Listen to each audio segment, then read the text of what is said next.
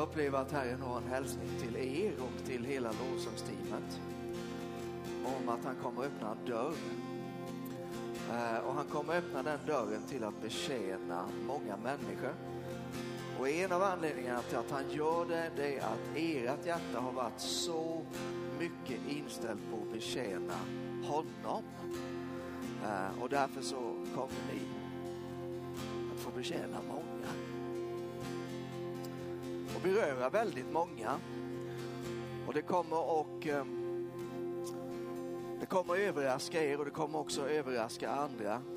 Eh, och det som ni upplever står i vägen för detta, som kan vara praktisk eller andlig natur, Gud kommer att flytta på de sakerna en efter en. Och det kommer den här eh, sången, sångstrofen till mig. Spärras din väg utav hinder så väldiga och utav berg som där skyhöga står. Lita på Gud, för han gör det omöjliga. Han gör vad människor inte förmår. Så jag vill bara tala ut detta över. Jag tror att de dagar, månader och det år som ligger framför, ingen vet hur det kommer att se ut, men jag vet att Gud öppnar en dörr för er och för hela detta underbara gäng som är så inställda på att betjäna Gud och betjäna oss eh, varenda gång vi kommer samman. Han kommer öppna en dörr som får beröra, eller som, som kommer att beröra många, många människor. Tack för att ni är här. Gud välsigne er. Vi älskar er. Amen. Och vi älskar dig också, du som sitter där hemma eller någon annanstans där borta Eh, och är jätteglada över att få komma till dig på det här sättet. Vi ehm, eh, har ju börjat ett nytt år, det har väl inte undgått någon.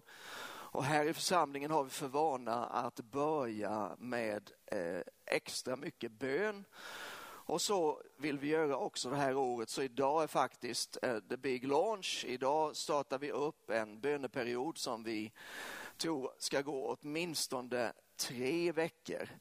Och eh, du är förstås välkommen att vara med. En del av det kommer att hända ganska mycket faktiskt kommer att hända online. Men vi kommer också ha små fysiska bönesamlingar. Vi är välsignade med att ha olika lokaler, eh, olika fastigheter, vilket gör att vi kan eh, kosta på oss att faktiskt träffas i smågrupper också, att be. Eh, och eh, Jörgen nämnde om det. Eh, vi, det kommer att finnas mer information på hemsidan för dig som på olika sätt vill vara med och vi vill uppmuntra dig till det. Ikväll är det faktiskt ett sådant bönetillfälle som inte bara är vårt enskilda, vi som församlingen Guds kraft, utan som är en gemensam bön och eh, det kallas för strategisk bön en gång i månaden. Eh, och det kommer en länk i eh, chatten till den bönen, det är klockan sex ikväll. Vi ber speciellt för den här stan, den här regionen, för det som är aktuellt för behov som finns här.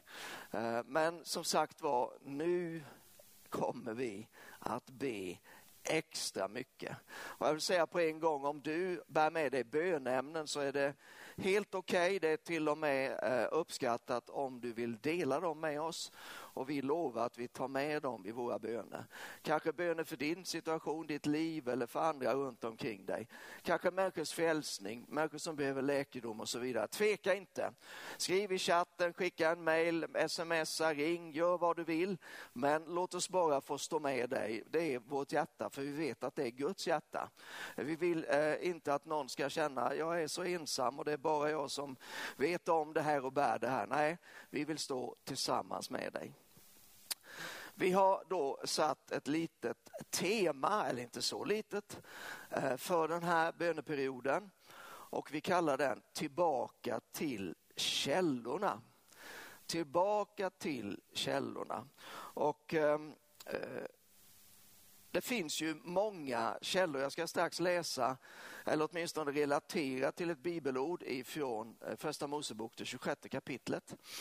Men vi som kristna, vi har väldigt många källor som vi kan och som vi behöver ösa ur. Och vi tror att den här böneperioden kommer vi att kanske återupptäcka några källor, kanske hitta några nya. Vi kommer att eh, rensa upp i en del källor som av olika eh, anledningar har blivit tilltäppta.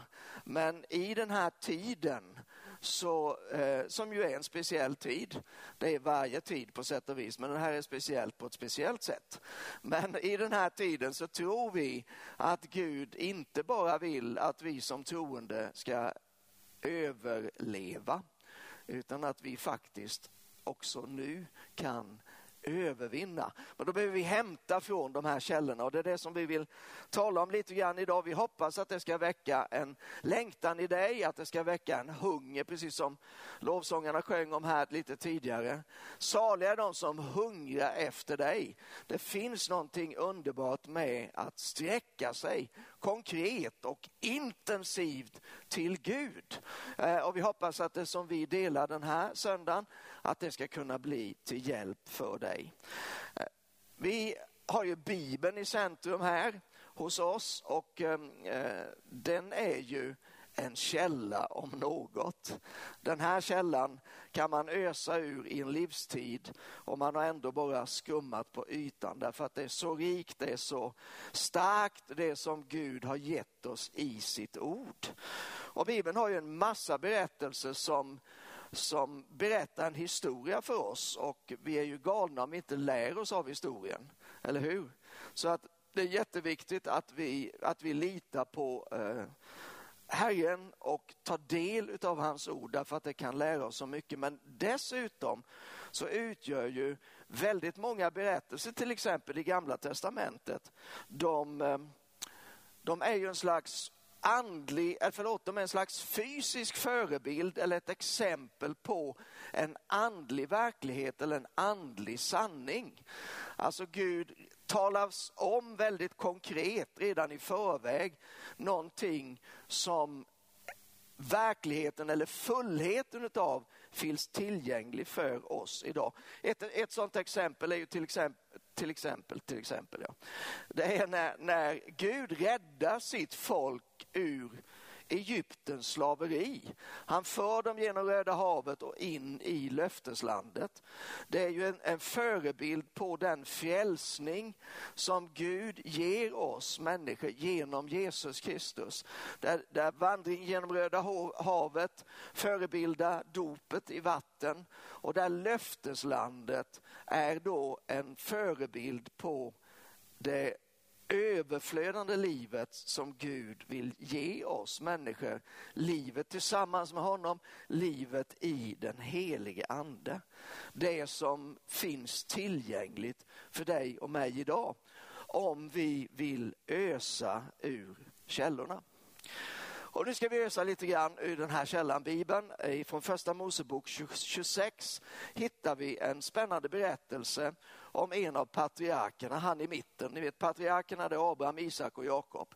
Isak är i mitten eh, och Isak han var löftessonen och han fick ta emot eh, en förnyelse av det förbund som Gud ingick med hans far Abraham. Eh, det gjorde inte att allting gick på räls. Eh, han kom i olika typer av såg olika typer av utmaningar. Men han följde Gud och Gud välsignade honom. Men i det 26 kapitlet så befinner han sig egentligen, han befinner sig i en del av löfteslandet men det är så att säga inte erövrat utan där finns fienden.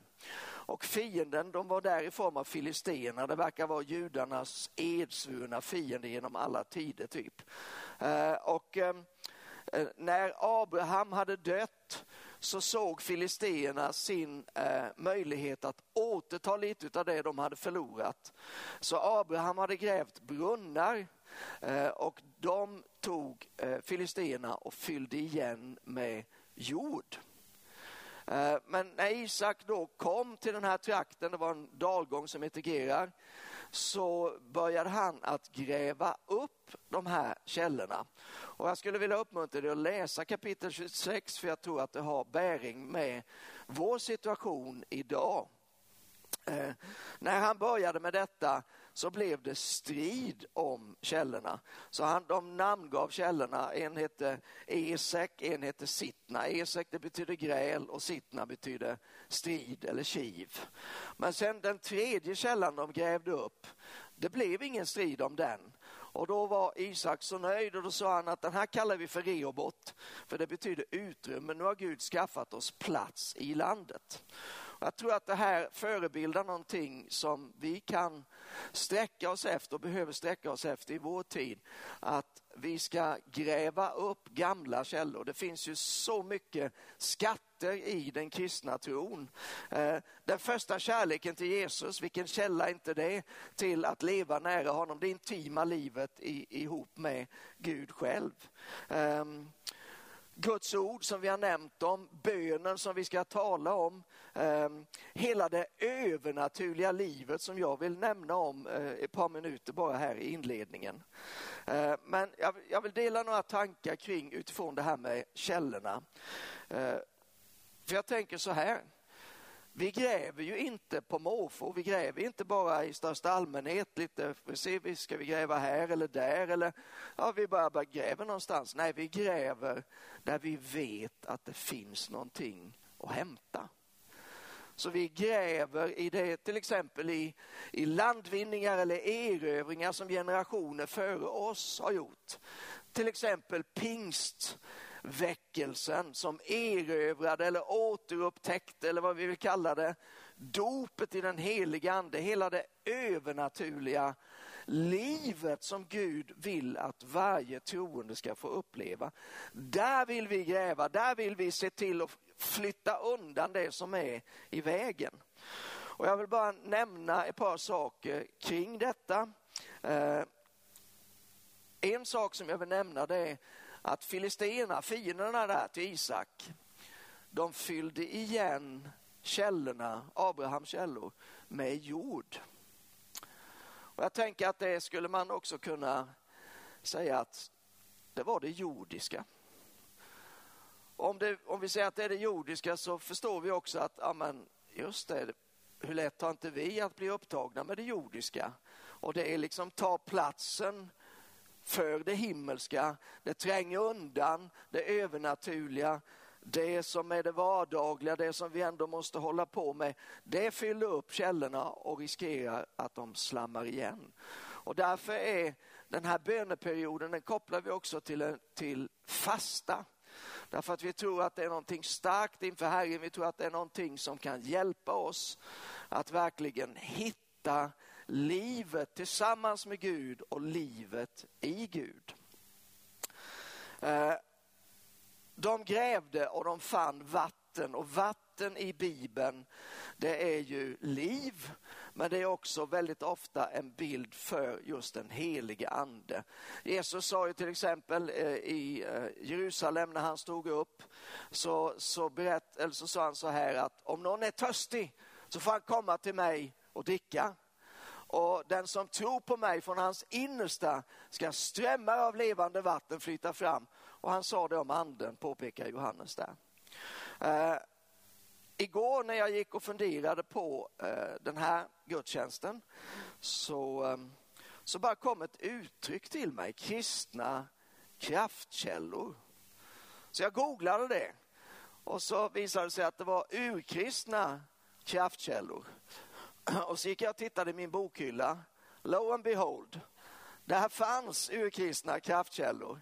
Eh, en bok av Levi Petrus från 20-talet. Levi Petrus som ju eh, la grunden för den helige andes verk på ett särskilt sätt här i det här landet. Eh, och jag ville bara läsa några rader eh, som han relaterar till just under rubriken urkristna kraftkällor. Och han citerar i sin tur Torrey, Torrey som var en av de stora förkunnarna och väckelseevangelisterna på 1800-talet. Och Torrey, han berättar om den som kanske var ännu större, nämligen D.L. Modi. Och så här säger han då. Eh, Modi under sina tidigare år så arbetade han omåttligt. Han hade en oerhörd önskan att uträtta något, men han hade ingen verklig kraft. Han arbetade till stor del i köttets kraft. Men det fanns två ödmjuka kvinnor från frimetodisterna. Tack gode Gud för ödmjuka kvinnor. Den ena var tant Cook och den andra var fru Snow. De brukade komma fram till Moody efter mötena och säga vi håller på att be för er. Till slut blev Moody nästan stött och sa en kväll till dem, varför ber ni för mig? Vi ber om att ni ska få kraften. Moody visste inte vad det betydde, men han började tänka på det. Och så gick han till de två kvinnorna och sa, jag önskar ni ville tala om för mig vad ni menar. Och de talade med honom om ett bestämt dop i den heliga ande. Därpå bad han att få be tillsammans med dem, inte bara att de skulle be för honom. Denna tant Cook omtalade en gång för mig med vilken intensiv glöd Moody vid detta tillfälle bad. Han hade nämligen fått en, det var mitt tillägga, han hade nämligen fått en hunger i sitt liv, vilket gjorde att han bad med en intensitet. Hon berättade för mig i ord som jag knappt vågar upprepa fast jag aldrig glömmer dem. Och inte bara med dem bad han, utan han bad även ensam. Inte långt därefter då han var på väg till England och en dag vandrade på Wall Street i New York City. Eh, Moody omtalade detta mycket sällan och jag tvekar nästan att berätta det. Där blev hans bön besvarad mitt i bruset och vimlet i denna stad. Guds kraft föll över honom medan han vandrade på gatan och han måste skynda till en vän i närheten och be om ett rum för sig själv. I detta rum stannade han ensam i flera timmar och den helige ande kom över honom och fyllde hans själ med en sådan fröjd att han till sist måste be Gud att hålla tillbaka sin hand för att han inte skulle dö av fröjd på stället. Här har du en urkristen kraftkälla som är faktiskt är tillgänglig för dig och mig idag. Det överflödande livet i och tillsammans med den heliga ande. Och min bön för den här dagen och för de veckor som ligger framför det är att din hunger och din aptit för detta ska bli så glödigt, lika stark som Modis, att du inte ger dig förrän du faktiskt ha detta, att du får leva i detta. För har det varit någon gång som man behöver det så tror jag att det är i just den här tiden. Och då vill jag helt kort bara dela några bibelord från Nya Testamentet som talar om detta. Från första Korintierbrevet och det fjortonde kapitlet så ska vi bara hämta ett uttryck där. Det står så här i den första versen, sträva efter kärleken men var också ivriga att få de andliga gåvorna, framförallt profetians gåva. Var ivriga att få de andliga gåvorna.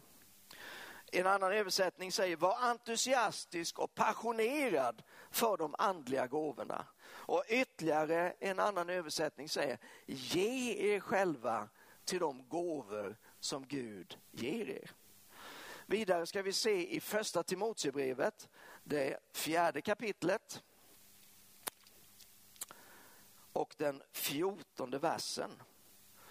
Så säger, läser vi så här, försumma inte nådegåvan i dig. 1917 års översättning sa försumma inte att vårda den nådegåva som finns i dig. And, and The Passion Translation säger så här, minimera inte den kraftfulla gåvan som fungerar i ditt liv. Och The Message säger så här, håll den avdammad och i bruk. Men själva grundtanken här det är att du har en, vård, en gåva och du behöver vårda den. Du behöver ta hand om den. Det, det gör en skillnad om du, om du ser att du har den och om du gör vad du kan för att det ska få flöda eller om du bara tänker vill Gud så vill han. Den här, den här ödestron som vi ibland blir besmittade av, den har inte väldigt mycket med Gud att göra tror jag. Utan vi behöver ta Gud i hågen och vi behöver ta initiativ. Och när vi gör det, när vi tar steg i tro, då kommer Gud att bekänna sig till det och då kommer de här gåvorna också att flöda. Men jag vill också ta ett ord ifrån andra Timoteusbrevet, det första kapitlet. Jag tror att ni känner igen det. För den nalkas samma fråga eller samma, eh, samma företeelse men från ett annat håll. Den säger så här, andra Tim 1 och 6. Därför påminner jag dig, låt nådegåvan, låt Guds nådegåva flamma upp igen och det tror jag är ett ord för våra böneveckor här och för dig som är med, även om inte du är med i församlingen. Så tror jag att Gud vill att det ska brinna igen i ditt liv. Att de gåvor som Gud har lagt ner i dig, av vilket slag de än är, men i synnerhet de andliga gåvorna, de vi brukar kalla för nådegåvor, att de ska flamma upp. Att vi liksom ska blåsa med våra böner och med vårt sökande efter Herren ska vi blåsa på elden som finns där tills dess att den brinner så starkt igen. 1917 sa uppliva den nådegåva från Gud som finns i ditt liv. Uppliva. Säg inte att Gud ska uppleva, uppliva den, utan du säger att du ska uppliva den. Och nu skulle jag vilja, eh, Jörgen om du hjälper mig lite här. Jag ska låna en gammal illustration, jag tror att det var Morris Cerullo som, som eh, fann på detta. Eh, jag ska bara få fram lite enkel rekvisita här. Eh, och eftersom vi pratar om den heliga ande som vatten, eftersom vi pratar om att gräva upp gamla källor, så så vill jag också relatera till eh, synen som Hesekiel ser, jag tror det är i 49 kapitlet i sin bok. Så relaterar han till en ström, en vattenström som går ut ifrån Guds tempel och där man, eh, han blir eh, utmanad att kliva ner i den strömmen och han han går ut i strömmen och, och det når honom till anklarna och han känner det här är ju fantastiskt. Vilket flöde det är här, jag så, känner mig så välsignad. Men så blir han utmanad att gå djupare ut och han kliver ytterligare en, en, och så han kommer ut till knäna. Åh, det är underbart. Åh, det är så starkt, jag vet inte vad jag ska ta vägen. Men det var inte det mesta han kunde få. Det var inte det bästa. Utan eh, ängeln med mätsnöret, nu går vi 500 meter till eller vad det nu var. Eh, och så kommer han ut till midjan och det börjar bli fantastiskt här.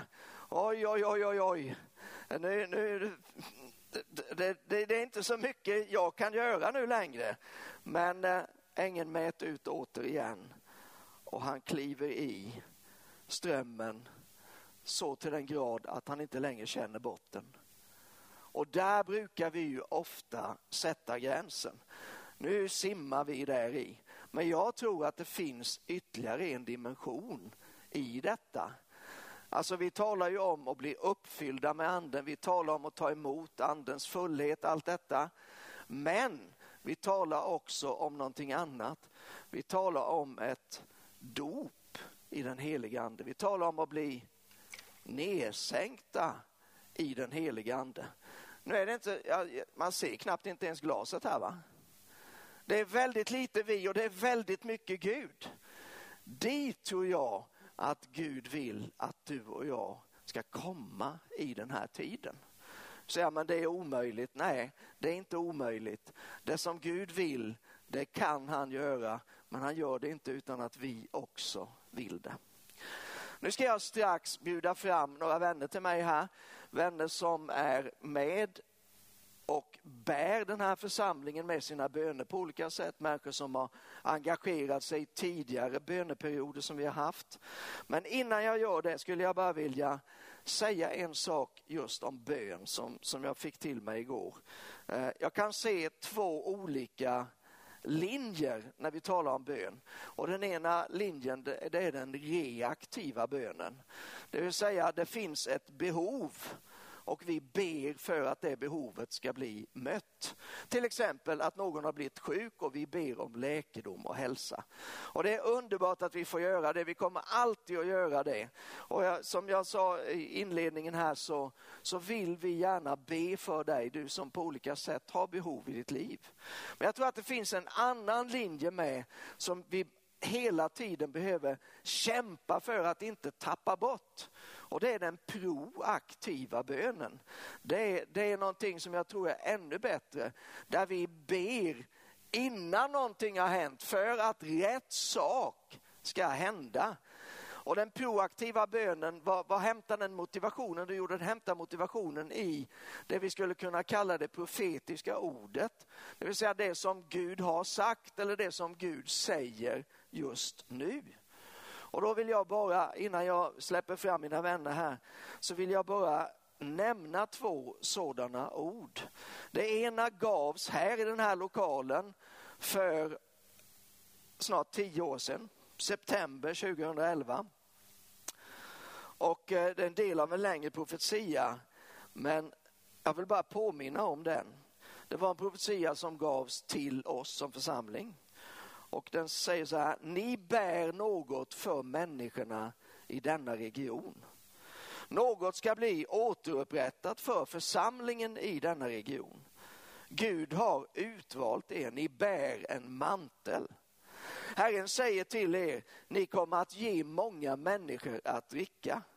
Ni ska ge många, många, många, många människor att dricka. Och många människor ska komma. Och de ska dricka från den källa av levande vatten som finns på denna plats.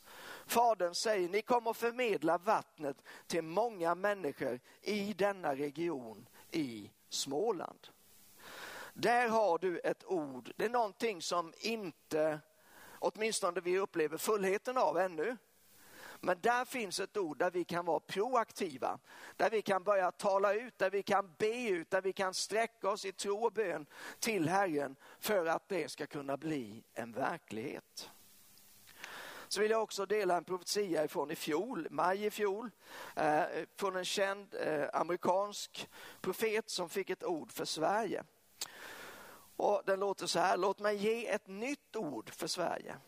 Så säger Herren till Kristi kropp i Sverige. Jag ger dig kraft för väckelse. Jag ger dig kraft som ett folk att vara katalysator för förändring till många nationer. Och jag ser en mäktig rörelse av förbön och bön i Sverige. Den kommer att ha en påverkan för hela världen. Jag kommer att, eh, ja, se förlåt, jag börjar om. Jag ser det komma en ny våg av missionärer, även många som har invandrat till Sverige. Herren säger, jag kommer att läka problem som varit mellan olika etniska grupper i Sverige. Och jag ser en stor enhet komma över samfundsgränserna. Det kommer att påverka ända upp till kungahuset. Låt oss för all del vara reaktiva under de här veckorna. Men låt oss inte glömma bort att också vara proaktiva. Att lyfta upp det som Gud har gett oss. För det är också en källa. De profetiska orden, det är ju en slags förlängning av det skrivna ordet. En slags aktualisering av det som Gud har sagt i sitt ord. Låt oss lyfta det, låt oss dra ifrån det, låt oss tro Gud om det tillsammans. Och då kommer dessa veckor att bli oändligt välsignade.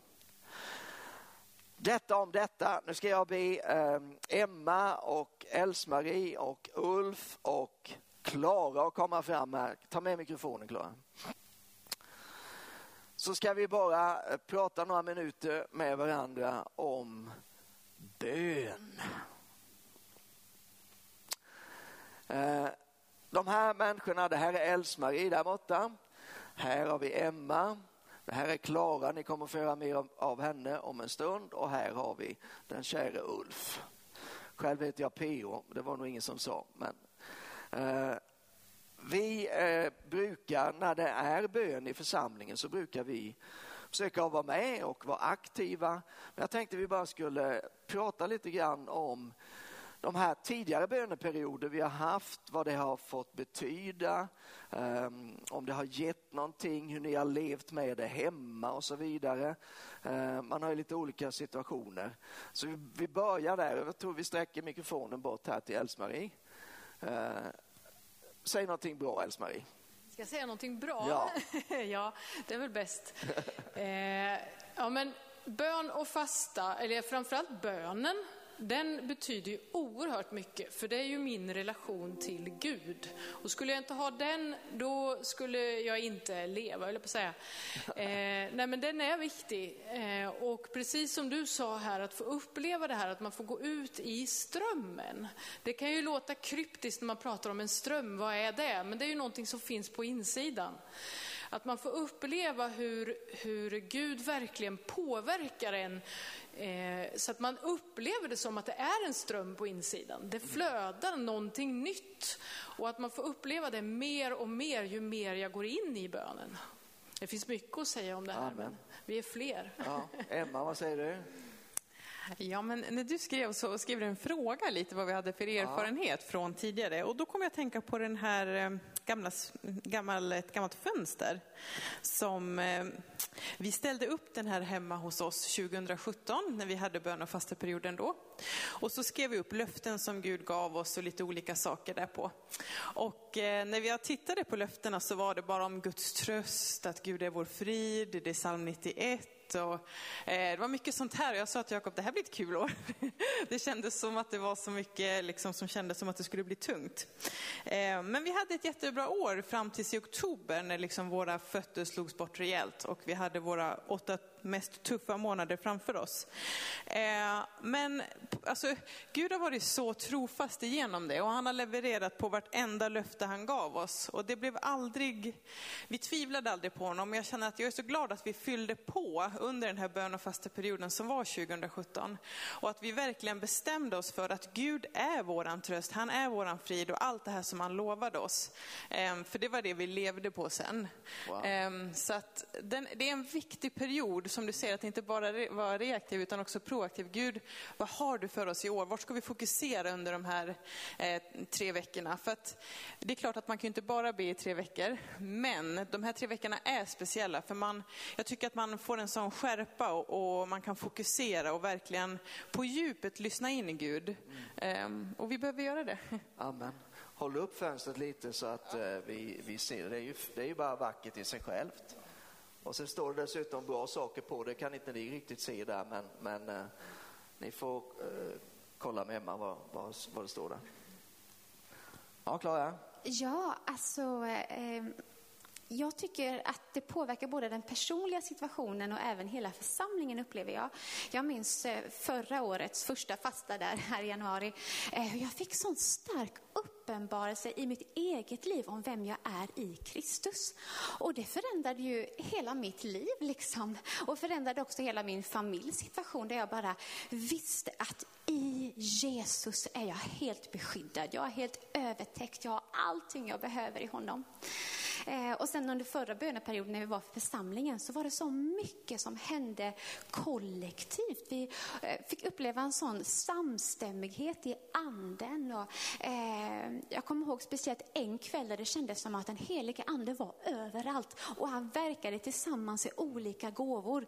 Jag i min gåva först varit lite förvirrad och sen helige ande bara, lugna dig, det finns andra gåvor som arbetar. och när gåvorna fick arbeta ihop så blev det sånt enormt genombrott Eh, så både på det personliga planet och det kollektiva planet så händer det så mycket när vi ber. Ulf, du och din kära hustru Susanne, eh, för ett år sedan när vi började böneperioden, då, då såg jag att ni, ni var här hela tiden. Det var ju på den gamla goda tiden när man kunde mötas i kyrkan. Uh, och ni var här, ni fattade någon form av kvalitetsbeslut. Nu gör vi det här, nu gör vi det på riktigt. Kan, kan du, kan du se att det eh, kom något bra ut utav det, eller hur, hur tänkte ni? Jo, men det gjorde det. Och för mig för mig handlar det mycket om att eh, kalibrera kompassen som vi säger, att, att, eh, att ödmjuka sig inför Gud och söka Gud. Och, och jag tillsammans med Susie har ju liksom fått ett eh, rikare böneliv av det. Vi, vi har lättare att, att, att samlas i bön och vi gör det lättare och vi gör det oftare. Så det, det, det har all positiv effekt på det sättet förstås. Liksom. Mm. Eh, det står ju i, i Bibeln om att eh, en, en fasteperiod är att ödmjuka sig inför Gud och söka Gud, så det var det vi gjorde. Och det, det har väldigt ja, gott effekt, god effekt. Det brukar ju betala sig. Ja, det gör det. Ja.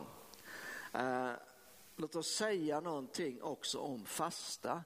Fasta kanske eh, känns fjärran eller svårt eh, för en del människor och vi har alla lite olika erfarenheter. Men är det någon av er som bara vill dela någon tanke eller någon erfarenhet kring det här med fastan? Eh, Els-Marie, varsågod. Ja, jag kan dela lite grann omkring det. Delvis för att det har inte alltid varit en sån enkel väg för mig och jag tror att det, det, är många som känner igen sig i det, att det inte alltid är så enkelt. För när man får berättelser efteråt så låter det så jättehärligt, men sen när man står där och själv ska ta tag i det, då är det inte så enkelt. Eh, brottningskampen över hur ska jag göra och jag har alltid tyckt att det har varit jobbigt att vara utan mat och, och, och så vidare. Så det som blev genombrottet för mig, det var när jag tog hjälp av en bok faktiskt. Och det är Jentesen Franklins bok eh, Fasta och bön. Den talar bland annat om det här som man nämner som Daniels fasta, att man lever på frukt och grönsaker i tre veckor. För några år sedan så tänkte jag, ja men okej då, jag provar väl då. Det var, liksom, det var ändå motigt, men jag provade. Eh, och det var, det, på något förunderligt sätt så blev det ett genombrott för mig att se att det faktiskt funkar. Och Gud kom, jag har, jag har bett och jag har läst Bibeln under många år, men, men där blev det någonting annat. Där blev det som att Gud kom ännu närmare, bibelordet öppnade sig ännu mer för mig. Eh, och då förstod jag liksom eh, grejen med fasta, varför man skulle fasta. Och då kommer jag att tänka, du har ju levt länge och jag har varit kristen ganska länge, varför har jag inte fattat det innan? Nej, men i vissa saker tar lite längre tid innan poletten ramlar ner helt enkelt. Eh, och nu kan jag inte vara utan det. Så även om jag nu gemensamt går in i församlingens tre veckors period med bön och fasta, eh, så, så lever jag i det här i mitt personliga liv på ett helt annat sätt än vad jag har gjort förut. Där jag har perioder, dagar, där jag fastar och ber och märker hur Gud talar till mig på ett nytt sätt. Jag kan se syner, jag kan, jag kan höra Gud tala genom ordet och det finns människor som kommer till mig och delar ord. Det kan vara lite olika och jag ser också att det har skett förändring i mitt personliga liv, i min familj, eh, relationer med min man och så vidare. Det är så mycket som förändras, inte för att saker och ting kanske har varit jättedåligt innan, men det förändras och det har en påverkan. Eh, för Gud är så mycket större än vi människor. Jag skulle kunna prata länge om det här, men det ska jag inte göra nu. Amen. Jättehärligt. Ja, men, det jag tänkt på, det att man att en del kanske känner att nej, men jag testade en gång och det funkade inte så det är inget för mig. Och då vill jag säga att ge inte upp på det utan att, att gå till Gud och, och lägga upp en fasta och för jag tror ändå att det är någonting för oss alla och någonting som vi alla blir välsignade av. Eh, och eh, någonting som jag har upplevt att Gud har sagt till mig också. För jag, menar, eh, jag träffar ju många missbrukare på Mathjälpen och jag, ser, jag ber ofta Gud att det finns hopp för dem, det finns hopp för dem. Eh, och så säger jag, har Gud sagt till mig att det finns hopp för dig också?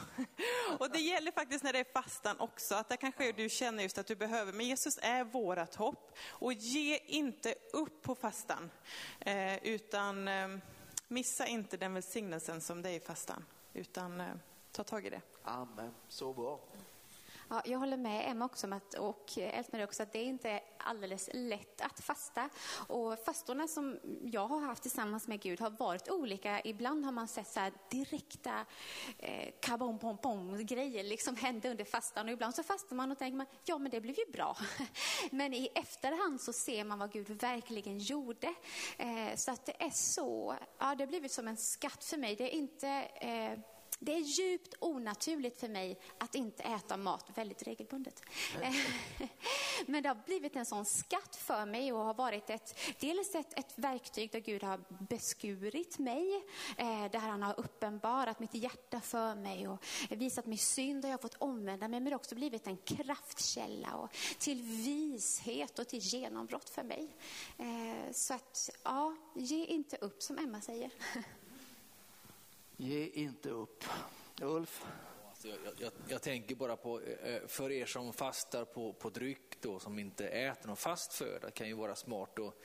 Förra året så, så började vi fasta på en fredag för att de första två, tre dygnen kan vara behäftade med lite huvudvärk och lite illamående och sådana här saker. Och då, då startar vi på fredagen för att vara liksom igång igen på måndag när man ska gå till jobbet. Då. Så det är ju lite tungt att, att fasta på bara dryck när man ska gå och arbeta. Men starta på fredagen så är det lite enklare. Det var väldigt handgripligt eh, tips från Ulf där. Och eh, vi låter det eh, avsluta den här lilla delen, ska vi lämna över till Klara. Men jag vill bara säga det att jag tror att vem du än är och hur din situation än är så kan du på något sätt delta i fastan. Eh, om, om det nu är på grund av sjukdom eller eh, annat svårt för dig att eh, göra avkall på det du äter så skulle du kunna göra avkall på det du stoppar in dig i form av sociala medier etc. Eh, men grundtanken är ju att man avstår någonting för att få någonting bättre eller göra plats för någonting ännu bättre. Och jag tror att vi alla kan göra det och jag tror att vi alla vinner på det. Så eh, kom ihåg vad alla visa ord som har sagts här och var med du också i både bön och fasta. Nu Klara, ger vi den till dig och vi ska ta fram din bibel också här. Tack så mycket. Jag vill faktiskt ge ett tips också om fasta. Eh, det är, som sagt så är det inte bara när vi har böner och fasteperioder som jag fastar, utan ibland upplever den helige Ande kanske kallar mig in i längre perioder av bön och fasta. Jag känner bara att jag har fått uppleva sån nåd i det här. Och han kan säga ibland till mig att, att jag ska hoppa över ett mål. Eller kanske fasta en dag i veckan under ett par veckors tid. Och det kan ju, så här, det kan ju kännas så banalt. Ett mål, vad är det för skillnad? Men jag har fått uppleva sån nåd i det. Så om du börjar din konversation konversation med den helige ande om fasta så kommer han att leda dig på ett enkelt sätt. Det är svårt att ta sig detta själv, jag skulle säga att det är omöjligt. Men med den helige ande så vill han jättegärna lära dig att fasta. Eh, och jag ska faktiskt pra fortsätta prata lite om fastan nu. Eh, så här innan fastan så är det i alla fall för mig lite blandade känslor. Eh, och eh, jag började tänka på det i december så tänkte jag, tänkte jag så här, nej men jag kanske inte behöver fasta nu. Och det är ju inte sant. och jag vet att jag har pratat om detta förut, men aldrig blir köttets röst så tydlig som när vi fastar. Om du känner så att ah, jag fattar inte det här med att det är olika tankar i huvudet och eh, att, eh, ja, att inte allting kommer från Gud. Om du börjar fasta så kommer du snabbt märka att vissa tankar, speciellt i början av fastan, man bara skriker jättehögt. Och de tankarna som reser sig då, de behöver vi resa oss över och vi ska övervinna dem. Eh, vi ska läsa tillsammans från Romarbrevet 8, 5-7. De som lever efter sin kötsliga natur tänker på det som hör till köttet. Men de som lever efter anden tänker på det som hör till anden. Köttets sinne är död, men andens sinne är liv och frid. Köttets sinne är fiendeskap mot Gud. Det underordnas inte Guds lag och kan inte det heller. Köttets sinne för, försöker dra dig bort från gemenskapen med Gud. Det är fiendeskap med Gud. Det står att det inte kan underordna sig Gud. Och köttets tankar, det är den gamla människans tankar. Det är den du var innan du mötte Jesus. Den är färgad av den här världen, den är färgad av synd och driven av själviska motiv och begär. Och köttets tankar får dig att vara upptagen med bara det jordiska och det som tillfredsställer dig själv. Så det finns en del av dina tankar och dina känslor som aktivt försöker dra dig bort från gemenskapen med Gud. Från att söka honom och från att vara, honom, vara med honom. Men vi ska läsa en till vers eh, som är väldigt uppmuntrande och det är från Galaterbrevet 5 och 24. De som tillhör Kristus Jesus har korsfäst sitt kött med dess lidelser och begär. Halleluja. I Jesus, i kraften av den helige ande, så finns det en plats där köttet dör. En plats där den helige ande tar över och du inte längre blir styrd av dina begär, av dina själviska tankar, utan leds av den helige ande. Den helige ande bor i dig och han vill ta dig till den platsen. Så mycket saker i Guds rike har vi svårt att greppa eh, med våra naturliga tankar. Så att frivilligt avstå från mat, det verkar ju helt knäppt. Men fasta, det är inte ett straff eller en plåga. Det är ett gudagivet medel där hans nåd kan verka i dig. Jag ska säga det en gång till, att fasta är inget straff, det är inte en plåga, utan det är ett medel som vi har fått från Gud för att hans nåd ska kunna verka i oss. Gud, man får säga till om Gud, jag avstår från det goda du har gett mig, för han har ju skapat maten för att den ska ge oss liv och näring. Jag avstår det för en period och lägger mig helt i dina händer, svag som man blir.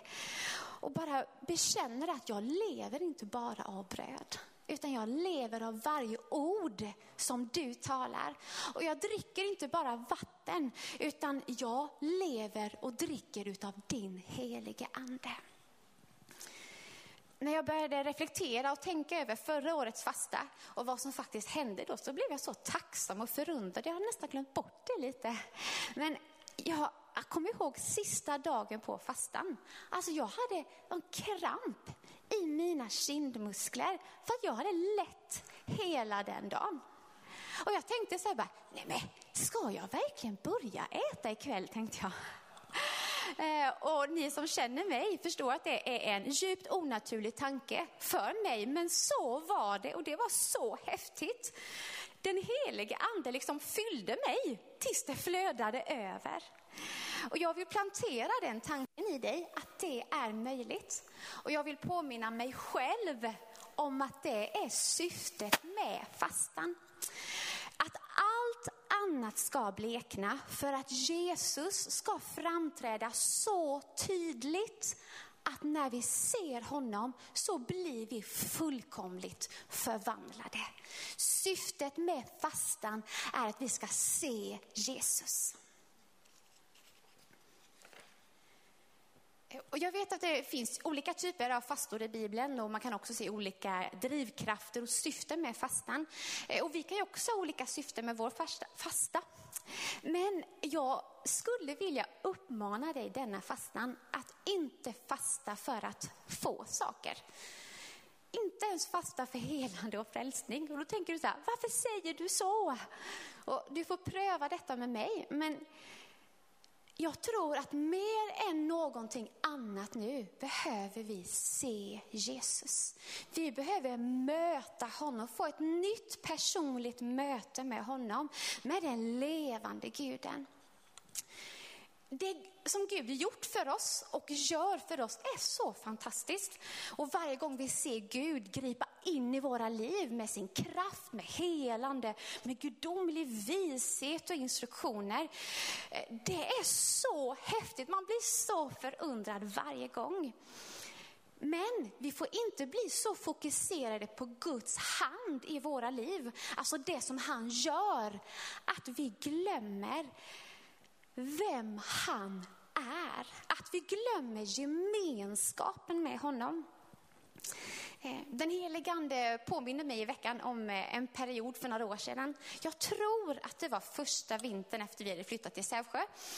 Och eh, mina barn var sjuka hela den vintern. Eh, Jonathan jobbade långa dagar, kom hem sent på kvällen. Det kändes som att jag var ensam med barnen i tre månader. Men eh, jag var vid gott mod och jag bekände Guds ord. Jag tackade Gud att han har friköpt oss. Han vill bota, han är våran läkare och det finns frid och liv i ditt namn. Eh, och eh, en natt när jag var uppe med någon av barnen, jag kommer inte ihåg, eh, så hörde jag Guds röst så tydligt. Så frågar han mig så här, Klara, älskar du mig även om inte jag kan göra någonting för dig? Och jag blev så berörd. Jag bara började gråta. Jag satt på toaletten och bara, jag fick ju tänka efter en stund. Och så bara kunde jag säga till Jesus att Jesus, jag älskar dig. Även om du aldrig skulle kunna gripa in i mitt liv, om du aldrig skulle bota eh, mig eller min familj när vi är sjuka, så älskar jag dig för den du är. Detta handlar inte om att Gud inte vill bota eller att han inte vill gripa in i våra liv eller svara på våra böner. Det handlar om att han vill åt våra hjärtan. Det var mitt hjärta han ville åt när han frågade mig om jag älskade honom oavsett vad som hände. Han var så mån om att mitt hjärta skulle finna ro i den han är. Vi får inte basera våran frid på det han gör. För det står i Bibeln att hans vägar är högre än våra vägar, vilket innebär att vi kommer inte alltid se exakt vad han gör. Men det står också att hans natur, den han är, den är alltid uppenbar, den ändrar sig aldrig. Så vi kan inte fästa blicken på det som Gud gör först och främst, utan på den han är. Och där finner våra själar ro i den han är. Eh, ibland kan vi i alla våra behov, som kan vara helt livsviktiga, det, det, argumenterar jag inte emot. Men vi kan bli så upptagna av våra behov och vår familjs behov att vi glömmer han som är källan till allt. Vi har ju det som tema, tillbaka till källan. Vi får inte glömma han som är källan till allt. Gud är ingen sån här slottmaskin, en sån här spelmaskin med en arm där vi så drar och drar och drar och sen kanske vi får vinst ibland. Eh, vi kanske får ett bönesvar till slut. Eh, han är inte sån. Eh, och att fasta är inte heller en hållhake som vi har på Gud. Att Gud, nu har jag fastat så nu får du ge mig det jag vill ha. Nej, det är inte så. Utan han är den levande guden som har skapat varje människa och allting vi ser med ett enda syfte och det är gemenskap. Han såg ditt värde. I all våran smuts och synd så såg han fortfarande varje människas värde och sa du är värd att dö för. Jag sänder min son för att jag ska kunna så han får dö i ditt ställe så att du kan komma nära mig. Han vill känna oss. Att be en frälsningsbön är evigt liv. Eller? Att få bli frisk och botad, det är evigt liv. Eller? Att få sina böner besvarade, det är evigt liv. Eller vad är det det står? Det står att känna honom, det är evigt liv. Vårt mål och vår mening även med denna böne och fasteperiod, det behöver vara att få komma närmare honom. Att vara nära honom, att förbli nära honom. Inte gå in och ut och fram och tillbaka, utan att sitta och vara hos honom dagligen. Eh, precis som Pio sa förut, att det vi upplever globalt nu, det är något helt unikt. Eh, vi har aldrig varit på den här platsen förut och ingen vet riktigt hur framtiden ser ut. Kanske är den förändrad för alltid. Vi vet inte. Men jag vet att vi behöver möta Gud i den här tiden.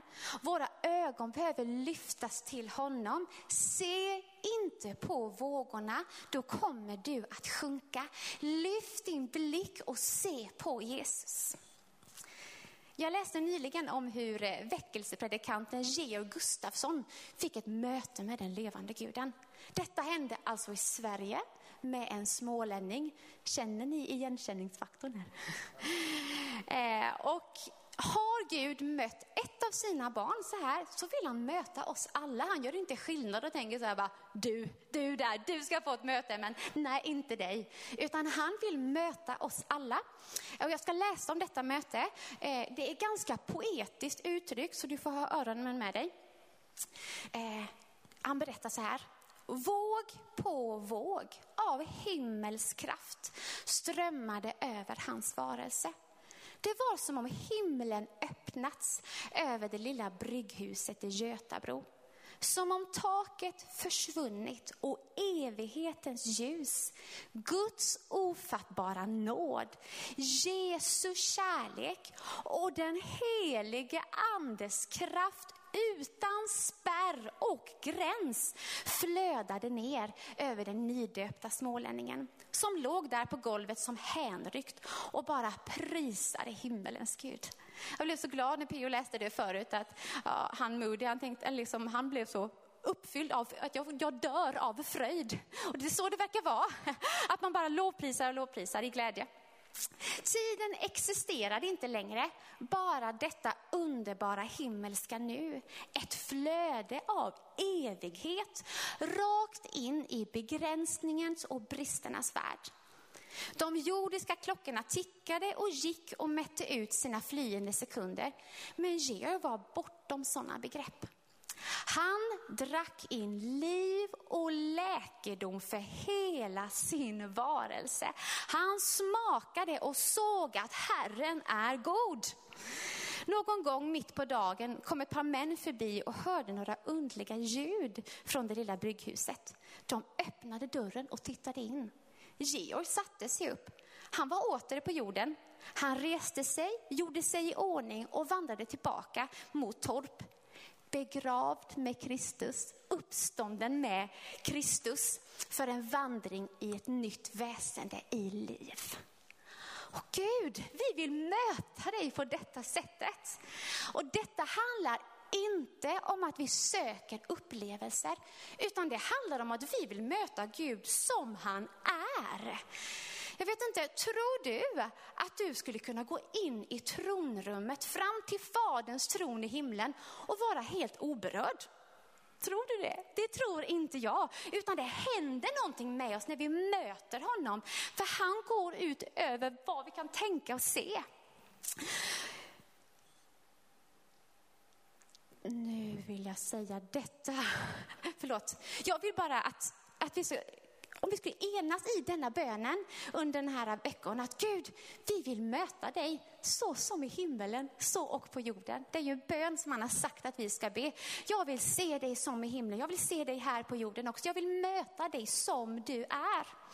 Och jag kopplade ihop detta lite också med ett ord som Peo fick eh, i höstas när vi hade bön och fasteperiod, där han sa att jag tror att den helige ande vill döpa församlingen i ett kärleksdop. Och jag tror att det är det som ligger framför oss. Jag ber att det ska ske med oss under denna våren. Eh, mer än någonsin så är jag övertygad om att Gud är Jehova Rafa, han är Herren våran läkare. Och mer än någonsin är jag övertygad om att jag är satt med Kristus för att regera i liv. Och mer än någonsin är jag övertygad om att Gud hör när vi ber. När vi ber så flyttas berg. Och jag är så övertygad om människors frälsning. För jag har sett i ordet hur Guds rike kommer bryta fram som aldrig förr innan Jesus kommer tillbaka. Men mer än allt detta behöver jag vara nära Gud. Jag behöver möta honom och känna honom. Eh, jag ska läsa profeten Jeremias ord här för oss som avslutning. Ni ska söka mig och ni ska också finna mig om ni söker mig av hela ert hjärta. Vilket löfte det är. Vi kommer att finna honom om vi söker honom av hela vårt hjärta. Sök honom, fasta för att finna honom och möta honom. Inte för att vi ska få saker, för hemligheten i Guds rike är så här, när vi finner Gud så får vi allt tillsammans med honom. Men vi kan inte gå genom att, få att våra böner blir uppfyllda för saker vi behöver. Det är inte vägen till Gud, utan vägen till Fadern är genom Jesus. Och när vi finner honom och möter honom, då kommer vi se hur, hur saker omkring oss förvandlas. Och också när vi ser Jesus så blir vi så uppfyllda av tro att vi ser att ingenting är omöjligt. Allt det där andra kommer vi få tro för när vi ser honom. När vi börjar fasta, eller kanske redan innan, som i mitt fall här nu då, eh, så låter köttets tankar väldigt högt. Och jag vill bara säga till dig att du inte ska bli avskräckt av det. Det betyder inte att du inte ska fortsätta fasta eller att det är något fel på dig. Eh, utan då när de här tankarna börjar komma att det här går inte. Jag kommer ihåg första gången jag skulle fasta helt från mat bara på dryck. Att jag var så arg de första dagarna. Jag bara gick och muttrade för mig själv. Vad är det här för dumheter? Tänk, ont i huvudet och jag är arg och sur. Ska man verkligen vara så arg när man fastar? Men jag kommer ihåg, det här har aldrig hänt efter det, men det var så fantastiskt den gången det hände. På tredje dagen, alltså du vet, jag bara föll ner från sängen ner på knä och bara, åh, det var sån härlighet som kom. Du ska inte bli avskräckt om det känns jobbigt när du börjar, utan då får du börja med att bara berätta för dig själv vem du är. Jag är en ny skapelse i Kristus. Jag leds inte av mitt kött längre, jag är ledd av den helige ande. Jag lever inte bara av bröd, utan jag lever av varje ord du talar till mig Gud. Och jag dricker inte bara vatten, utan jag dricker dagligen av din källa, av din helige ande. Helige ande, ta mig till den platsen där jag kan se Jesus. Köttet kommer att tystna och den helige ande kommer att leda dig. Eh, du har kanske aldrig mött Gud. Eh, kanske har du aldrig mött Gud utanför kyrkans fyra väggar. Kanske har du aldrig mött Gud när du är själv med honom. Eh, och då skulle jag bara vilja profetera över dig. Att det gamla är förbi. Se, någonting nytt har kommit. Gud kommer för att möta dig hemma när du söker honom ensam. Han vill utgjuta sin ande över ditt liv, över ditt hem och han vill upprätta sitt rike i din familj. Och precis som Pio sa här, så vi kommer be för dina behov och för allas behov. Det är inte det jag menar med det ordet jag har här. Men tänk om ditt och mitt hjärta hemma under denna perioden skulle vara riktat på en enda sak. Att få möta Gud i denna tiden. Ah, det, när vi ser honom blir vi förvandlade.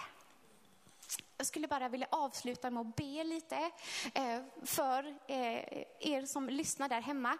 Jag fick ett ord till mig på morgonen som jag tror är till någon. Eh, så ska jag läsa det. Det är från Saltaren 73. Ehm, jag upplever som att du som behöver detta ordet kanske börjar tvivla på Guds ledning i ditt liv. Du börjar tvivla om man verkligen hör eller om det är han som leder dig. Men då, skulle, då hälsar han så här till dig. Och det är du som säger detta då. Men jag är alltid hos dig. Du är hos Gud.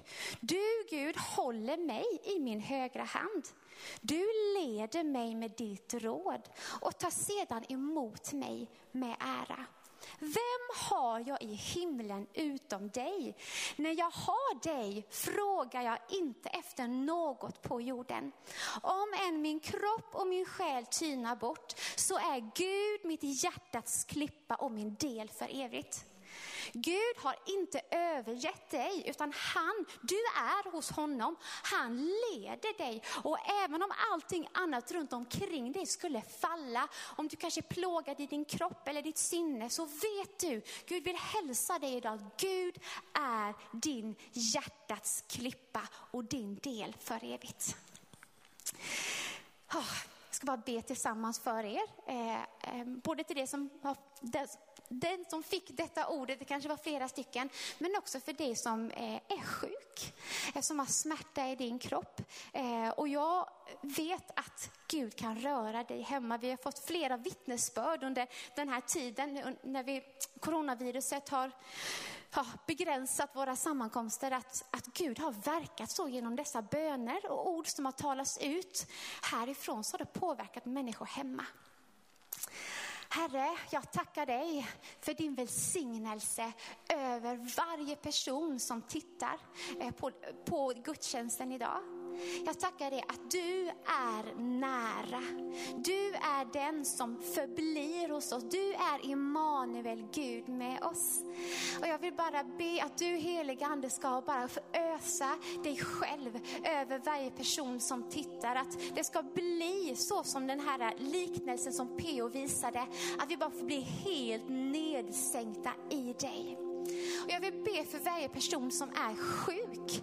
Jag tror att det finns någon här ute som har problem med, med svalget på något sätt, med att svälja eller någon problem med den funktionen. Och jag bara talar helande över dig där du är. Du ska kunna svälja och äta normalt. Jag ber för alla som har smärta i sin kropp. Jag befaller smärta att gå i namnet Jesus. Och jag ber för dig som är sjuk i cancer. Jesu namn är över cancer och han vill bota dig. Jag talar till cancern i din kropp att den ska dö och du ska leva. Cancern kommer inte att döda dig utan du ska leva. Halleluja.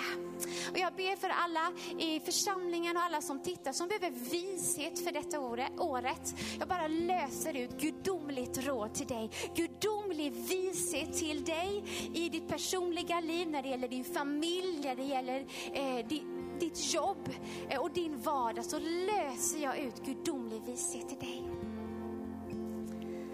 Vi lägger den här bön och fasteperioden i dina händer, Herre.